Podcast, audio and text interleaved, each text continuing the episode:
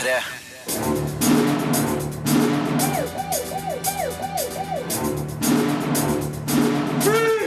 Filmpolitiet! What's your name, dude? Eh, Birger Vestmo. What kind of stupid name is that? Jake Gyllenhaal spiller skummelt godt i den mørke thrilleren Nightcrawler. Vampyrene har fått sin Spinal Tap.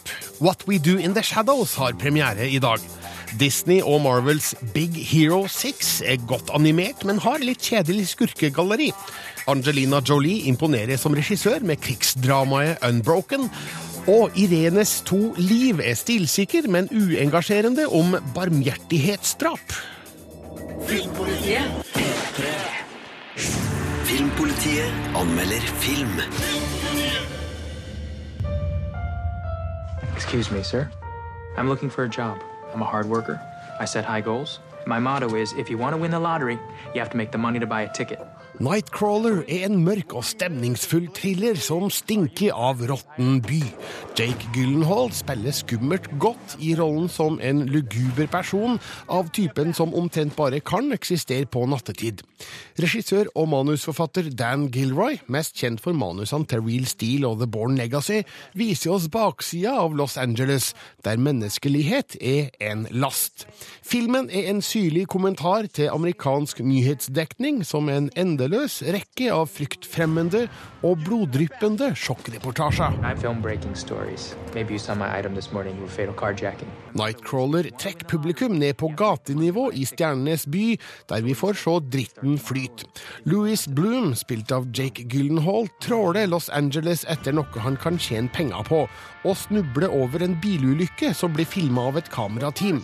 Han lærer at TV-stasjoner i byen betaler frilansere for slikt materiale, og anskaffer seg både et kamera og en medhjelper. Han får òg innpass hos en TV-kanal, og nattredaktøren Nina, spilt av René Russo, for øvrig regissørens kone. Men det skal vise seg at Louis er villig til å gå langt for å oppnå perfekte opptak. Filmen er en skarp og fordømmende satire over hvor langt amerikanske TV-stasjoner er villige til å gå i sin nyhetsdekning for seertallenes skyld. René Russos figur sier det rett ut. Drømmereportasjen handler om fargede kriminelle og hvite, rike ofre i forstedene. Det morsomme her er at flere virkelige nyhetsankere er med i filmen for å gi TV-klippene autentisitet. Det er mulig de sjøl har en høne å plukke med sin egen yrkesgruppe, og det fungerer. Nightcrawler fremstår som bekymringsverdig troverdig. Jake Gyllenhaal spiller med foruroligende ro. Louis fremstår som en artikulert og intelligent person, men det anes at noe farlig skjuler seg bak den anstrengte fasaden. Filmen viser etter hvert at han er ekstremt kynisk og kalkulerende, og utviser antisosiale tendenser som bl.a. går utover hans kuede assistent Rick, spilt av Riz Ahmed. Kanskje dras figuren litt for langt ut, men Gyllenhaal spiller han med iskald presisjon. And we will, at the right. Det er oppsiktsvekkende at det her er Dan Kilroys regidebut i en alder av 55. Han har laga en mørk og stilsikker film som provoserer. Samtidig er det spennende å følge Louis Blooms vei ned i dypet, der han hører hjem.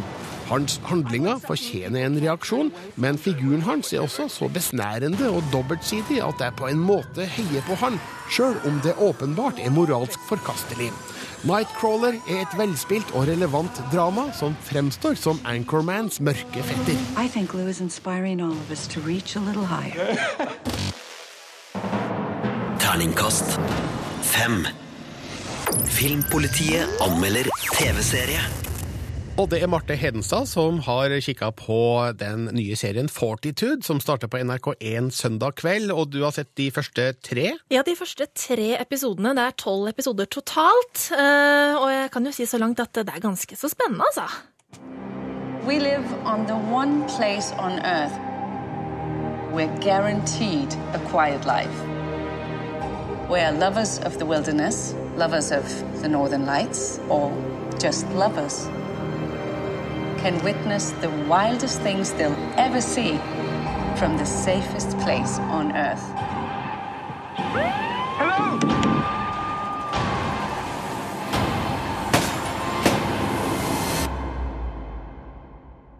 I shot him. Bang! Det var litt lyd fra Fortitude, og det som er spennende her, sett med norske øyne, det er jo at det er en britisk serie, og at eh, Fortitude eh, er en by som da skal befinne seg på Svalbard. Ja, det er rett og slett eh, en slags fiktiv variant av Longyearbyen. De sier at det er verdens nordligste by, og det er da en sånn gruveby hvor det, det, er, det går i køl og polarforskning. Ja, Men det er ikke innspilt der. Nei, det er spilt inn på Island, Ja, men- som jo så mye er nå om dagen. Litt norsk er det da. Litt norsk er det. Eh, Hva, hva foregår her i Fortitude? Jo, det som foregår i Fortitude, det er jo det at det, på overflaten så er det jo en ganske sånn rolig, stille by der det ikke skjer så mye. Eh, Men en dag eh, så er det da en vitenskapsmann som blir funnet brutalt myrda. Eh, Og ved første øyekast så ser det ut til at det kan være en isbjørn. Men så er det ikke det allikevel. Eh, Så det er ganske, det er ganske sånn eh, spennende. Eh, Det det handler jo da om at det er mye sånn politiske intriger og sånn inni her. For du kjenner kanskje Sofie Gråbøl, Birger? Fra Forbrytelsen, for eksempel. Dansk, dansk skuespiller. Ja, hun spiller jo da guvernøren i Fortitude, som ønsker å bygge et sånt ishotell i isbreen der oppe, fordi at gruvene er i ferd med å tømmes, og de må satse på turisme isteden.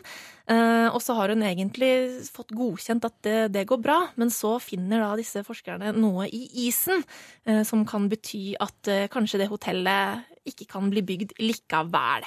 Andre skuespillere her er jo eksempel Stanley Tucci og Michael Gambon, som er kjent fra hver sin store Ja. filmserie. Ja, ikke sant? Stanley Tucci det er jo selveste Cæsar Flickerman, TV-verten i Hunger Games. Og Michael Gambon er jo selveste Humlesnurr. Ja, Fra, eh, skal vi si, fra, Fra Harry Potter, Harry Potter. sa seg kanskje kanskje ja. sjøl. Så uh, det er veldig bra skuespill uh, i, uh, i serien. Eh, mest fokus er det jo på Richard Dormer, som spiller eh, hovedrollen som den norske eh, politimannen Dan Andersson, som da skal eh, eh, klare opp i dette mordet. Eh, han eh, er jo da egentlig irsk, da. Eh, skal spille en norsk fyr med et litt sånn svenskklingende navn. Og håper han bare ikke skal snakke norsk. Ja, nei, han, eh, han det, var, det var en gang jeg trodde jeg hørte at han snakka norsk, men, men eh, det skal vi få slippe å høre, altså. Det er veldig mye norsk prat i bakgrunnen. Som du hører på butikken og sånn, så er det sånn hei og ha det og tusen takk og det er litt sånn eh, skål og sånn på barene der og sånn, men Fint vær i dag. ja, veldig mye sånn, sånn der pjatt. Ja. Men uh, hovedfigurene våre snakker ikke norsk. Og det kan jo være litt grann rart da, uh, for oss som er fra Norge, når vi veit at her er det to nordmenn som snakker engelsk sammen, f.eks. Ja.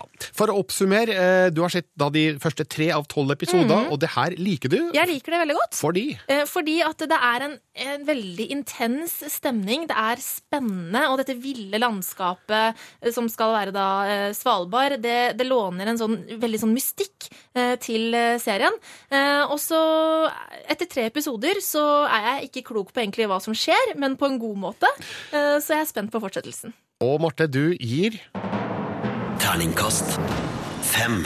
Filmpolitiet anmelder film. One of the unfortunate things about not having a reflection is you don't know exactly what you look like. Vampyrene har fått sin This Is Spinal Tap. Den kommer fra New Zealand, heter What We Do In The Shadows og er forrykende morsom. Denne liksom-dokumentaren tar sjangeren på kornet med kjærlige vink og velretta spark, og er en kjærkommen reaksjon på det siste tiårets pompøse og sjølhøytidelige vampyrfilmer. What We Do In The Shadows er komplett uforutsigbar og underholder stort. When you get the four vampires in a flat, Et dokumentarteam følger fire vampyrer som bor sammen i et kollektiv i Wellington, New Zealand. Viago, spilt av Taika Waititi, Vlad, spilt av Jermaine Claman, Deacon, spilt av Jonathan Brugh, og Peter, spilt av Ben Francham, er sjølsagt bare våkne om natta, og har ikke helt greid å bli vant til det 21. århundret. Ved en ulykke blir mennesket Nick, spilt av Corey Gonzales Macuer, omvendt til vampyr, noe som skal vise seg å bli en svært problematisk utvikling for kollektivet. The neighbors can see you flying around. You want to draw attention to this house, hmm? You've got a whole documentary crew following you around. Taika Waititi og Jermaine Clamant har også skrevet og regissert filmen, og det er noen saftige figurer vi blir kjent med her. Alle har sine spesifikke personligheter, farga av tida de levde i da de ble bitt. Viago er en dandy fra 1600-tallet. Vlad er en brutal torturist fra 1100-tallet. Deacon en fersking fra første halvdel av 1800-tallet. Mens Peter er en hele 8000 år gammel primalvampyr. De utfyller hverandre godt, sjøl om aldersforskjellen betyr ulike tilnærminger til vampyrtilværelsen. Some people freak out a bit about the age difference. They think, what's this 96 year old lady doing with a guy four times her age? They can call me cradle snatcher, who cares? Filmen er full av referanser til vampyrkunnskap fra popkulturen. Nei, de liker ikke hvitløk. Kors er også dårlig karma. I begynnelsen gir Viago sin versjon av kistesekvensen fra Nosferatu. På et tidspunkt refererer en av vampyrene til The Lost Boys. Men jeg savner velfortjente spark til Twilight og True Blood. Det er kanskje greit å ikke overdrive referansebruken, men jeg tror filmen har et potensial til å være enda mer morsom enn den allerede er. is you have to be invited in. Ikke misforstå meg, for jeg syns at What We Do In The Shadows allerede er utrolig morsom, med vittig dialog, absurde situasjoner og noen blodige høydepunkt. Når vampyrer, hekser og zombier samles til et maskeradeball i filmens siste fase, ligger det an til et blodig sammenstøt som kanskje kunne ha konkurrert med Peter Jacksons Braindead i blodighet, men her kommer muligens det begrensa budsjettet inn i bildet og tar filmen en annen vei. Heldigvis er også den god, og gjør at What We Do In The Shadows er en av de morsomste filmene jeg har sett de siste åra.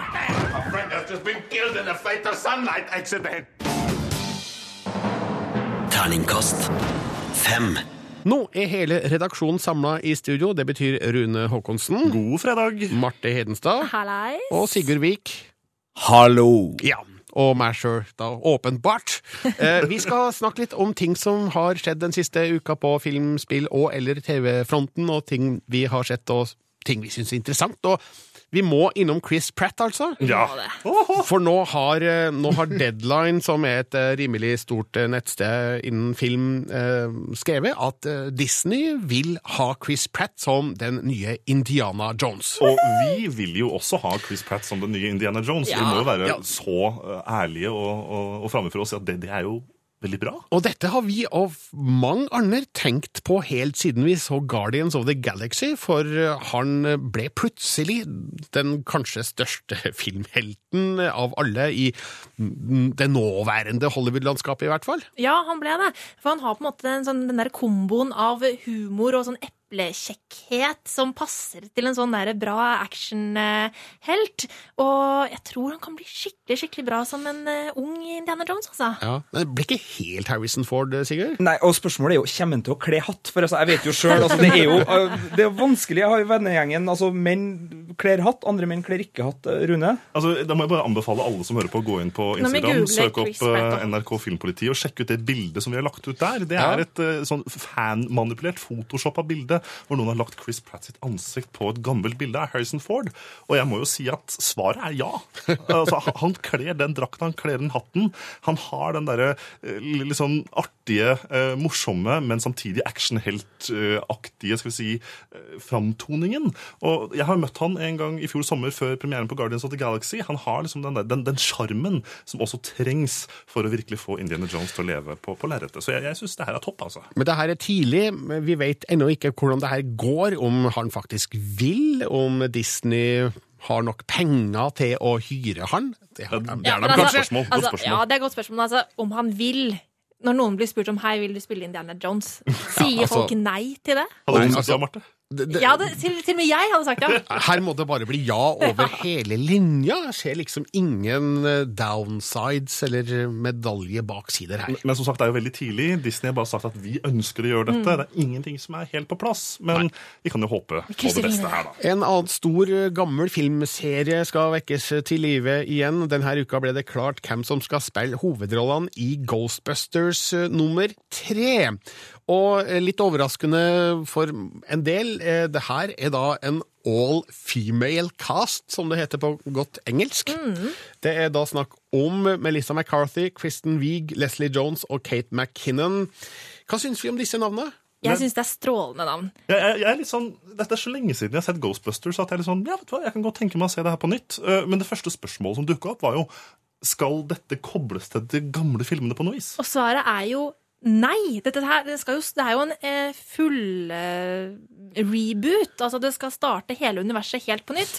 I den filmen som kommer, så har ingenting av det som skjedde i de forrige Ghostbusters-filmene skjedd. Så her begynner de rett og slett helt på scratch. Det, det er vel også da en kjensgjerning at eh, de to første Ghostbusters-filmene det er så lenge siden Det nå er det. at eh, et stort publikum ikke aner hva Ghostbusters er for noe. Og det er kanskje derfor det er riktig å, å ta det på en måte helt fra starten, men samtidig så skulle jeg jo gjerne hatt en liten cameo av Dan Aykroyd og, og Bill Murray Ja, og, og hele gjengen. Det hadde vært gøy. bare komme innom og på en måte si hei. Det hadde også vært veldig trivelig. altså. Men eh, Sigurd, er det her store nok navn til å fenge interessen? Det er up and coming-navn, og det er jo eh, sånne ting som eh, kan være veldig bra. Eh, også på regissørsida så har de jo Paul Feig, som har gjort mye på TV. Arrested Development, Freaks and Geeks, masse artig der. Og eh, gjorde vel en uh, med, med, med Brideshead eh, Nei, Bridesmaids. Bri- bri- Beklager. Bridesmaids, ja. Mm, mm, mm, mm. Så, så unge, lovende mennesker, eller ikke så veldig unge, da, sånn 40-års unge mennesker, så, så det kan bli veldig bra. Vi skal ta en liten nyhetsting til, og det dreier seg om eh, traileren til Game of Thrones Yes. sesong fem. Ja, eh, for eh, det var vel i går så var det en visning av eh, noen Game of Thrones-episoder eh, på kino i USA, fra forrige sesong altså. Og eh, før de hadde den visningen, så viste de den splitter nye traileren for sesong fem. Og Og da var det noen med en telefon Det telefon det. eh, i, i fanget som klarte å fange det og, og legge ut på, på YouTube. Så blant har traileren er lekka, rett og slett. lekka på nett. Ja. Ja, det vet vi ikke, Rune. Det kan jo være at de satt med et digert kamera her, men det er i hvert fall en liten sånn hvem, ø, Vet jo ikke hvor god jeg er til å snike inn ting. Altså, Jeg er jo en lovlydig herre, jeg kikker jo ikke på sånn piratting. eh, Men Marte Hedenstad, som er verdens største Game of Thrones-fan, du har selvfølgelig kikka på det her. Du, du, på føler, du føler deg litt skyldig når du ser sånt, Altså, altså eh, ligger, det- ligger det på YouTube, som jeg pleier å si, så er det greit. Så jeg føler meg ikke skyldig i det hele tatt. Men eh, vi regner jo med at eh, den offisielle traileren kommer i løpet av dagen, da. Ja, for den som ligger ute er jo ikke av veldig god kvalitet, men vi får jo et inntrykk av at det er i hvert fall et fokus på hevn, som er i hvert fall et av temaene i, i sesong fem. Nå skal vi snakke om ting vi har kikka på den siste uka, som interesserer oss og engasjerer oss. Og Rune Håkonsen, vi starter med deg, for du har altså begynt å kikke på X-Files, av alle ting. Ja, For to uker siden cirka, så ble det klart at eh, ja, de vil lage mer X-Files. Og da tenkte jeg da må jeg gå tilbake og begynne å kikke litt på denne klassiske science fiction-serien, rett og slett. da, Og det, det var det jeg begynte å gjøre med.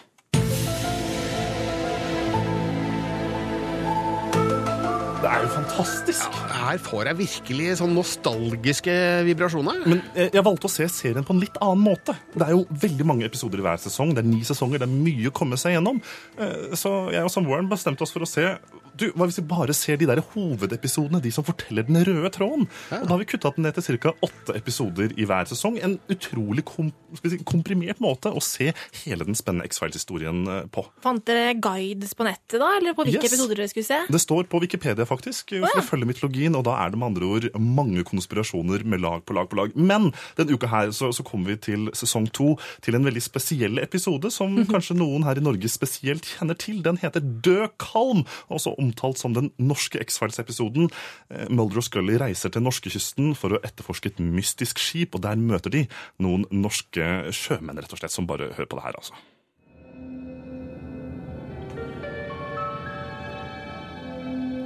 Hei, Trondheim. Kom her. Få vekk André, du. Tror du? Og hvorfor tror du det etterlot deg? Jeg vet hva du prøver å gjøre, Olufsen. Vi bare drepte gutten for å overleve. Du ville ha deg sammen. Du kan fremdeles gjøre det. Ja, jeg håper det her var teksta på norsk TV. Trondheim og Ålesund heter de gutta Ja, de her. heter Todd Ålesund. det. Å gå tilbake i TV-historien betyr også at man kommer over slike gullting og X-Files, må jeg bare si. Den dag i dag holder høy kvalitet. Verdt å se.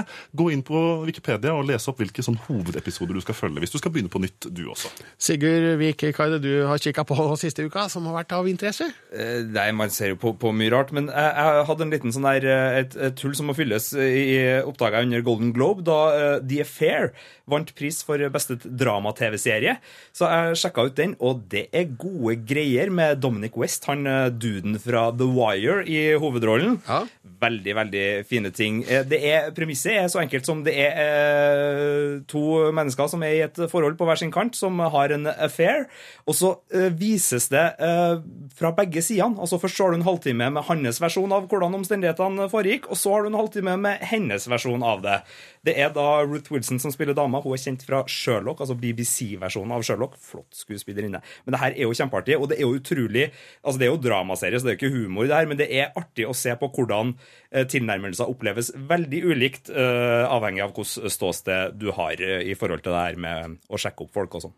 Verdt å sjekke ut eh, The Affair, med andre ord. Marte Hedenstad, du har også kikka på noe bra? Ja, ja øh, noe bra. Altså, Birger, nå har jeg en liten beef med deg. For at øh, du anmeldte The Raid The Raid, ja. i 2012. Ja, ja, fantastisk actionfilm. Ja, du, du, du lykkes nesten som actionklassiker. Du dro den ganske langt. Ja. Eh, og, da, og da jeg da i januar fant ut at tre av skuespillerne fra både The Raid 1 og 2 skal spille i den nye Star Wars-filmen Mm, ta med seg på en måte actionegenskapene ja, sine ikke sant? dit. For det er, det er veldig kjent for god actionkoreografi. Så ble jeg litt sånn gira. Jeg hadde ikke sett The Raid. Nå må jeg se The Raid.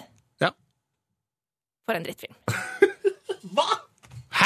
Altså, ja, det er veldig velkoreograferte kampsekvenser, og det er liksom eh, Det er, det er mye, det er mye liksom action og splatter-greier og sånt som er, er kult nok. Ja.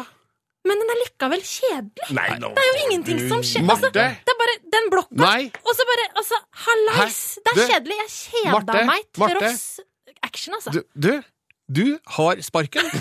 Rydd desken. Kom deg ut av NRK.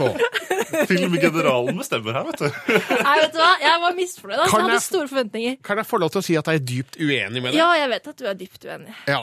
Jeg er sjokkert. Eh, hjelp Rune og Sigurd. Altså, jeg, jeg, jeg må si at jeg, jeg er uenig Jeg syns den var kjedelig. Også, men jeg må si det at altså, ja, det var bra action, og kampsekvensene er virkelig velkoreograferte. Altså, det er bra å se på på den måten, men historien dritkjedelig. Du, da må jeg legge til, Hvis du som hører på er enig med Marte eller med Birger, så er det bare å gå inn da på p3.no, skråstrek filmpolitiet, søk opp anmeldelsen og ta over i kommentarfeltet. For her Mm. tror jeg nemlig at diskusjonen vil fortsette. Jeg skal prøve å komme over sjokket, Marte. Jeg har brukt den siste uka, eller siste ukene på å begynne å se Homeland.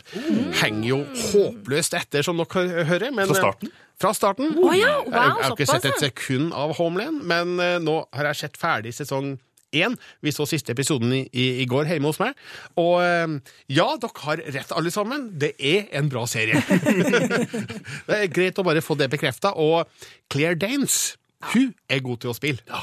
Veldig bra portrettering av um, eh, de um, Ja, den bipolare Mm. uh, lidelsen hun har um, i, i serien, der hun heter Å, oh, herregud jeg glemte glemt det. Um, Carrie. Ma- Carrie. Carrie Yes. Tusen takk. Begynner å bli litt sånn Eh, man da tungt med stoff oppi her. skal man da også, som Rune som driver og ser igjen X-Files, skal man se igjen Angela også, da? Skal man ta en sånn uh, rød tråd-variant Går det an? Ligger den ute noe sted? Eh, Marte, har du My So-Called Life? My So-Called Life, ja. Da snakker vi 94-95. Ja, Mulig vi må, må romstere i noen DVD-hylla på, på, i billigkroken og, og se om vi kan uh, fare opp den. For den uh, Jared Leto var vel også der, var ikke det? Kan vi si at TV 2 Legg det ut på TV2 Sumo, i det minste. da. Men jeg har da eh, flere Homeland-sesonger igjen. Er det Mm. verdt å gå videre, dere som har sett? Å ja. Det er det absolutt. Altså- jeg jeg syns ikke alle de kommende sesongene du har, holder like bra nivå som den første, men eh, det er absolutt en spennende thriller, altså. Jeg er nesten litt misunnelig for at du har alle sammen foran deg, Birger. Rett og slett. Takk skal dere ha. Filmpolitiet anmelder film.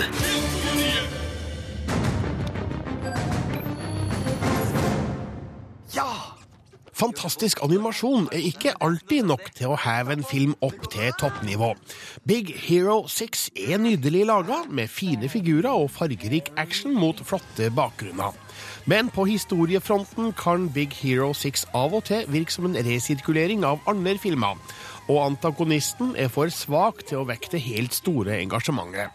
Men Big Hero 6 vil garantert gjøre nytten for alle barn som søker enkel, fartsfylt underholdning. Hallo? Jeg er Baymax, din personlige helsetjenestehjelper. Historien foregår i San Francisco, en interessant blanding av to ulike verdensbyer. Hiro er en teknisk begava gutt som mister sin nye oppfinnelse, minibåta, under dramatiske omstendigheter. Ved hjelp av helseroboten Baymax, oppfunnet av broren Tadashi, oppdager Hiro at noen har stjålet minibottene hans. Han får hjelp av Baymax og fire skolevenner til å finne ut hvem og hvorfor. Det jeg liker best innledningsvis, er filmens entusiastiske forhold til ny teknologi. Ingenting er umulig. Alt kan skapes, og fremtida er lys. Men historien viser òg på en effektiv måte at ny teknologi kan være farlig om noen velger å bruke den med mørke motiver. Den moderne teknologien står òg i god kontrast med bymiljøet i San Francisco, der alt det nye forsøker å bryte ut av alt det gamle. Hvis tanta mi spør, var vi på skolen hele dagen. Er det greit? Vi hoppet ut av et vindu! Nei! Hiro er en fin hovedperson med mot og handlekraft, men som òg møter et moralsk dilemma som han kanskje er for ung til å forstå. Baymax er en myk og omsorgsfull robot, stikk motsatt av slik vi kjenner de fleste roboter. Interaksjonen mellom dem er filmens beste kort. Resten av persongalleriet virker en smule kalkulert, forutsigbart og strengt tatt unødvendig. Historiens skurkegalleri er skuffende vagt og identitetsløst. Situasjonen som utløser ondskapen, er òg en smule lite gjennomtenkt, uten at jeg ønsker å gå nærmere inn på det her. På en skala fra 1 til 10, hvordan rangerer du smerten? Noen innvendinger til tross er Big Hero 6 en godkjent spenningsfilm, som i tillegg til godt uttenkte actionscener, og har et inspirerende blikk mot framtidas teknologi og hva den kan bringe oss på godt og vondt. Og tenk, den hvite, myke luftputeroboten som nesten ikke har kroppsspråk, er filmens aller beste figur. Big Hero 6 når kanskje ikke toppen blant digitalanimerte filmer, men et stort publikum vil sannsynligvis nøye seg med at den er helt OK.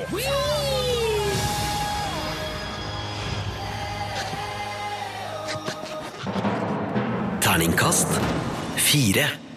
Filmpolitiet anmelder spill. Rune Håkonsen, du har testa et skikkelig, skikkelig gammelt spill. Ja, det har kommet ut i ny utgave nå denne uka. Grim Fandango fra 1998 er altså kommet i en oppussa remastered utgave. Buenos dias. Everybody here is just as dead as you. That's why we call it the land of the dead. I was once a reaper like yourself, Manuel. But I uncovered a web of corruption in our beloved Department of Death. Hector, no! Og det er et spill mange har et nært og kjært eh, forhold til, Rune. Grim Fandango fra 1998 er jo en av de store pek og klikk-klassikerne fra selskapet Lucas Arts, som også da tidligere i spillhistoriene står bak bl.a. Monkey Island-spillene og Full Throttle og mange andre klassikere. Grim Fandango er deres sånn mørke krim-noir-mesterverk, hvor man skal peke og klikke seg rundt. Eh, Da mens man spiller hovedrollen som en dødens ferieagent. Ja vel? Ja, altså rett og slett, Du henter eh, sjelene til de som har dødd i den levende verden, prøver å selge de eh, feriepakker, og på vei over til dødens rike. Dette blir det jo konflikter av når de andre som jobber i avdelingen i byråkratiet i dødens rike, begynner å konkurrere, og det er litt vanskelig å få oppmerksomhet av sjefen. Dermed utvikler det seg en sånn klassisk krimfortelling da, i denne ganske så absurde settinga. Og det er det som gjør at Grim Fandango har vært sett på som en av klassikerne i spillhistorien, og fortsatt er verdt å spille nettopp pga. den mørke humoren og det ganske så morsomme skal vi si, eh, utseendet på alt sammen. Men nå altså, ut i en remastered versjon. Eh, Hva har de gjort med Grim Fandango her? Før så var det bare tilgjengelig på PC. Nå er det tillegg på Mac og kommet til PlayStation 4 og PlayStation Vita, så man måtte tilpasse de gamle spillene for nye konsoller. Det andre man har gjort, han har sett litt på lysmotoren, lagt på litt bedre musikk eh, og retta ut kantene på figurene, for grafikken Dette er et veldig tidlig 3D-spill. Kantene i 1998 på 3D-grafikken var ganske dårlig. Det har de fiksa. Men, men der stopper det litt. Og det er litt det som skuffer meg med denne oppussa utgaven av Grim Fandango. Jeg syns ikke dette spillhistoriske verket da, kan du si, har fått den behandlingen det fortjener.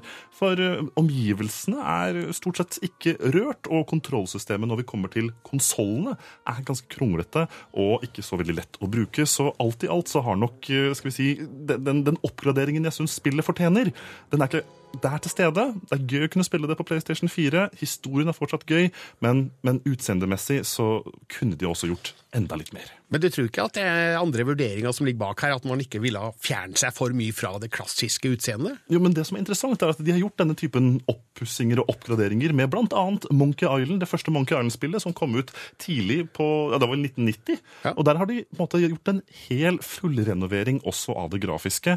Det kunne dette spillet også trengt, men for de som er interessert i et av eh, spillhistoriens skal vi si, mørkeste og rareste spillfortellinger, så kan også Grim Fandango Remasters, Remastered anbefales. Terningkast fire. Filmpolitiet anmelder film. Og Unbroken har premiere i dag. Hello, mother, father. This is your Louis talking. Vi har sett mange filmer om krigslidelser. Unbroken er dyktig laga med upåklagelig nerve, godt skuespill, gjennomført tidskoloritt og fantastisk foto av Roger Deakins. Men regissør Angelina Jolie forteller ingenting vi ikke har blitt fortalt før. Det kan virke som om hun forsøker å tilnærme seg noen av de store, klassiske filmene om andre verdenskrig, men hun navigerer i allerede kartlagt farvann, og jeg føler at filmen avsluttes akkurat idet den begynner å bli interessant. Manuset, bl.a. skrevet av brødrene Cohen, er basert på en kritikerrost bok av Laura Hillenbrand. Her fortelles den sanne historien om den amerikanske idrettshelten Louis Samperini, spilt av Jack O'Connell, og hans opplevelser i Stillehavet under andre verdenskrig. Han er mannskap om bord i et bombefly som går ned under et oppdrag. Det blir starten på en strabasiøs kamp for å overleve, både på åpent hav og deretter i en japansk fangeleir. Starten imponerer meg. Jolie regisserer med nerve og driv når filmen kaster oss rett inn i dramatikken med et angrep på en japansk øy. Seinere skifter historien tempo og går nærmere inn på figurene. Vi rekker å bli kjent med hovedaktørene før historien igjen skifter fokus, og Samperinis overlevelseskamp tiltar, kryssklippa med tilbakeblikk på hans karriere som langdistanseløper. Louis, Jack O'Connell, som imponert i den fantastiske filmen 71, spiller eksemplarisk i hovedrollen, sjøl om Samperini fremstår som litt gåtefull, sympatisk, men litt vanskelig å tyde. Den japanske popstjerna Miyavi, som egentlig heter Takamasha Ishihari, overbeviser som den plagede og sadistiske sjefen for fangeleiren, Watanabe. Det mentale spillet som oppstår mellom Samperini og Watanabe, er filmens kanskje mest spennende moment. Angelina Jolie forteller historien med imponerende detaljrikdom, og har f.eks. fått med seg at Samperini løp mot nordmannen Rolf Hansen under OL i 1936. Miljøskildringa og tidskoloritten er òg førsteklasses.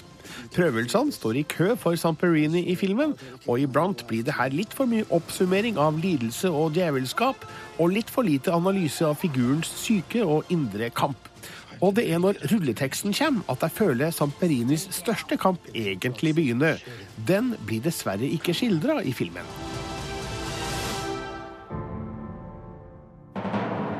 Terningkast fire. Barmhjertighetsdrap står på agendaen i den italienske filmen Irenes to liv, som har premiere i dag. Den har vakre bilder og kul musikk, men eh, den klarer ikke å engasjere rundt de moralske dilemmaene, ifølge Sigurd Vik. Filmpolitiet anmelder film.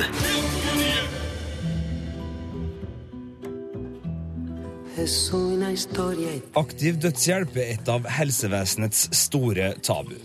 Og det er såkalte barmhjertighetsdrap det handler om i Irenes to liv. En film som leverer noen nydelige personskildringer, men som ikke helt klarer å engasjere når det gjelder spørsmålet om det er riktig å hjelpe noen til å dø. Irene, spilt av Jasmin Trinka, er en ung italiensk student som lever et dobbeltliv. Hun er vanlige Irene. Og så reiser hun rundt og dreper dødssyke mennesker ved hjelp av veterinærgift. Sånn på sida av. Alt det her er innafor hennes etiske komfortsone. Helt til hun tar på seg jobben med å avlive en gammel mann, som viser seg å ikke være døende. Han er bare lei av å leve. Uten pasientens dødsdom å lene seg på, rakner det fullstendig for den unge dødsengelen. Og hun prøver alt for å ikke få denne suicidale gamle gubben på samvittigheten. Bisogna annullare l'operazione, c'è stata un'equivoca. Non ci siamo capiti. Ci siamo capiti benissimo, l'operazione è conclusa. Regissør Valeria Golino debuterer med en stilsikker film. Hun lykkes i å komme tett innpå den grumsete gråsonen mellom prinsipper og følelser. Musikksporet har også to liv. Kinosalen tynges av melankolsk, klassisk musikk når pasientene skal drikke gifta si. Og så løftes stemninga med fengende indie-pop når Irene er alene eller ute på byen. Jeg skulle gjerne brydd meg mer om dem som avlives i denne filmen. Men de etiske dilemmaene omkring barmhjertighetsdrap de blir bare flate kulisser for Irenes angst for å ha tilrettelagt for et sjølmord. Her savner jeg et engasjement og en etisk brodd i regissør Golinos film. Men jeg klarer likevel å sette pris på et vellaga portrett av en ung kvinnes kamp med egen samvittighet og skyldfølelse.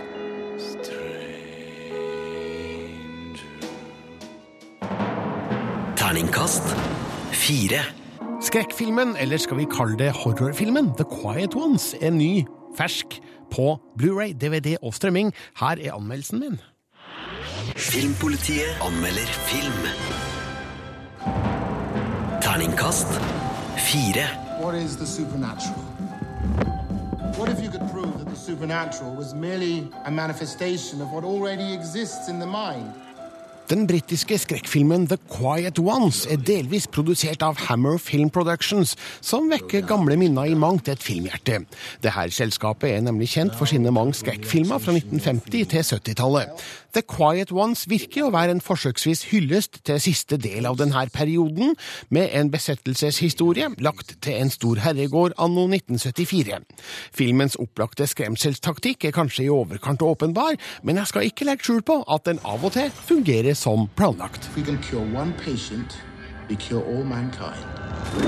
Oxford-professoren Joseph Copeland, spilt av Jared Harris, tar med seg et knippe studenter til et eksperiment på et fraflytta og avsidesliggende hus. Subjektet er Jane, spilt av Olivia Cook, og målet er å få har i seg, Evie, til å manifestere seg, slik at de kan fjerne det. Alt blir foreviga av kameramannen Brian, spilt av Sam Claflin, som stiller seg tvilende til hele eksperimentet, men får sine egne overbevisninger satt på prøve. Don't look into her eyes. Det ligger en aim av klassisk skrekkfilm over denne produksjonen, på godt og vondt. Godt fordi det her er velspilt og vellaga, vondt fordi det òg gjør filmen forutsigbar. Jeg veit hva som kommer. Skrekkelementene er ofte basert på plutselige hendelser og sterke lyder, og jeg medgir at jeg skvatt iblant, sjøl om virkemidlene er enkle. Samtidig burde den grøssende og gufne stemninga vært sterkere mellom skrekkhøydepunktene, og når Evie etter hvert melder sin ankomst, er effekten ikke bestandig like grøssende. You're not alone, are you, isn't there? Jared Harris, mest kjent fra Mad Men, spiller en klassisk skrekkfilmprofessor, innbitt på å oppnå sine mål og blind for farene. Sam Claflin er også et godt bekjentskap som Brian. Figuren hans er på mange måter publikums inngang til historien, og representerer lenge vår rasjonelle tvil og vantro. Noen av de andre figurene er mer forglemmelige, og filmens forsøk på å innføre romantiske forviklinger i prosjektet er litt klumsete og halvveis gjennomført. Når The Quiet Ones vil skremme, gjør den det med ganske åpenbare og opplagte spenningssekvenser, der du vet at noe kommer til å skje fort og høyt når som helst. Filmen overrasker ikke med nye eller uventa grep. Det her kunne like gjerne vært produsert i 1974 som i dag, så det her er kanskje mer et steg tilbake enn frem for skrekkfilmsjangeren, men The Quiet Ones har kvaliteter som gjør at jeg liker den, og anbefaler den til deg som liker å la deg skremme. Terningkast fire. The Quiet Ones er nå ut på Blu-ray, DVD og strømming. Og så er det slik at Filmpolitiet er over. Du finner anmeldelser og nyheter om film, spill og TV på p3.no slash filmpolitiet. Jeg heter Birger Vestmo, ønsker deg en riktig god fredag og etter hvert helg. Ha det! Filmpolitiet. Med Birger Vestmo. På P3. Hør flere podkaster på nrk.no podkast.